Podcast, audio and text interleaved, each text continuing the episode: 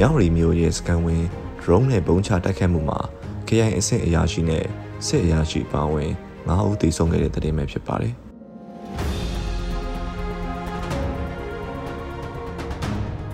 ကရင်ပြည်နယ်မြောက်ရီမြို့ခရိုင်ရဲတပ်ဖွဲ့မှုယုံရှိရာရဲစခန်းကို KNU နဲ့ပူးပေါင်းဖွဲ့ကလို့ယူဆရတဲ့ drone နဲ့ဘုံချတိုက်ခိုက်ခဲ့ရမှာ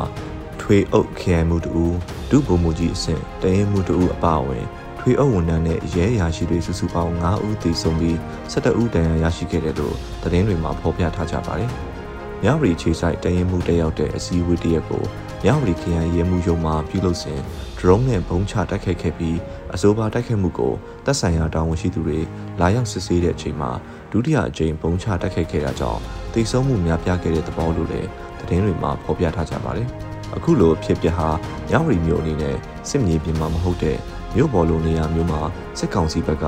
KI အဆင့်အရာရှိနဲ့စစ်ကောင်စီတရင်မှုတို့ကိုတိတ်ဆုံးစေတဲ့အထိတိုက်ခတ်မှုဖြစ်ပြီးစစ်ကောင်စီအနေနဲ့ထိခိုက်မှုများတဲ့တက်ရောက်မှုကြီးတဲ့တိုက်ခိုက်ခံရမှုလို့ဆိုနိုင်ပါတယ်။မြောက်ရီမျိုးဟာလက်တလုံးတိုက်ပွဲဖြစ်ပွားနေတဲ့လက်ခတ်တောင်စခန်းတောင်ကုန်းနဲ့မဝေးလာတဲ့နေရာမကြာခဏတိုက်ပွဲဖြစ်ပွားလိရှိတဲ့ 4K ကော်လိုနေရာတွေနဲ့မဝေးခွာလာပြီမဲ့ နေဆက်ကုံသွင်းမျိုးစစ်ကောင်စီရဲ့ထိန်းချုပ်မှုအောက်မှာရှိတဲ့မြို့ဖြစ်လို့ရေဘူးရအဖြစ်စစ်ကောင်စီဘက်ကလုံခြုံမှုရှိတဲ့နေရာအဖြစ်မှတ်ယူထားတာဖြစ်ပါတယ်။သို့ပေမဲ့ drone နဲ့ဘုံချတိုက်ခိုက်မှုကိုတော့စစ်ကောင်စီဘက်ကလုံခြုံအောင်ကာကွယ်ခြင်းမပြုနိုင်ဘူးဆိုတာကိုပြသနေတဲ့အဖြစ်အပျက်တရက်လည်းဖြစ်ပါတယ်။ဒီဘုံချတိုက်ခိုက်မှုနဲ့ပတ်သက်လို့ KNU ဘက်က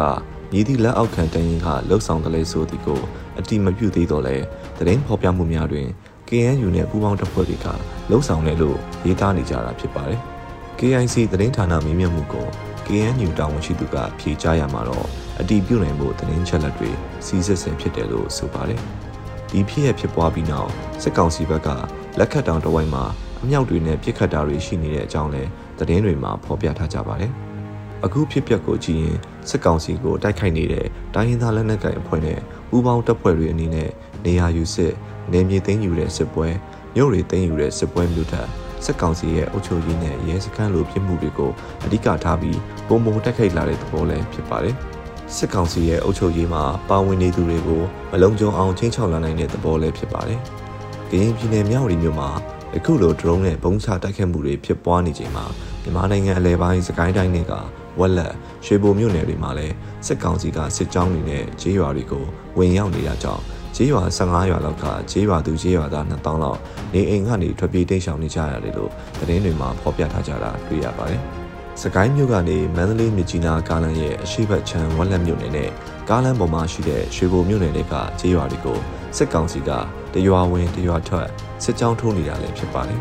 ။ပြီးခဲ့တဲ့ဖေဖော်ဝါရီလရဲ့စစ်ကောင်စီတပ်တန်းတိုးချိန်ကစလို့စကိုင်းတိုင်းတွေကမြို့နယ်၁၂မြို့နယ်ကိုစစ်အုပ်ချုပ်ရေးကြီးညာခဲ့ပြီးတဖန်သတင်းသုံးမှတ်အကြာ ဖေဖော်ဝါရီလ22ရက်နေ့မှာရွှေဘူအရတော်နဲ့ဝက်လက်မြို့နယ်တွေကိုပါစစ်အုပ်ချုပ်ရေးကြီးညာခဲ့တာဖြစ်ပါတယ်။စကိုင်းတိုင်းတွေကဒီဒေသတွေကိုစစ်ကောင်စီအနေနဲ့ထိန်းချုပ်ထားနိုင်ဖို့အုပ်ချုပ်ရေးလက်ပတ်ဖို့ကအလံဝေးနေပြီးဒီဒေသတွေမှာကြေးပါအလိုက်တော်၎င်းဒေသအလိုက်တော်၎င်း PDF တပ်ဖွဲ့တွေဖွဲ့စည်းထားကြက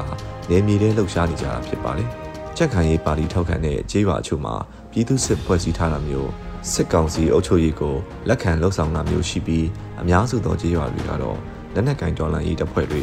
NUG လက်အောက်က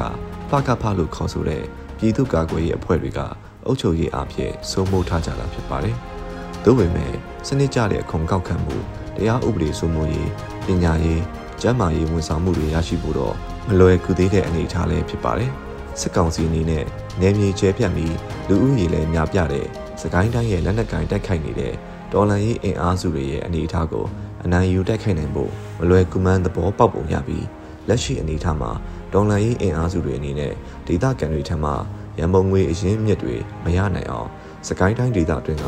ငွေကြေးအရင်းမြစ်တွေရိတ်ခါတွေကိုနေပအောင်မဟာဗျူဟာအရလှုပ်ဆောင်နေတာလို့ခံမှန်းရပါတယ်။အချိန်ကာလအတိုင်းအတာတစ်ခုမှာငွေကြေးနဲ့ရိတ်ခါအရင်းမြစ်တွေရှားပါလာတဲ့အခါ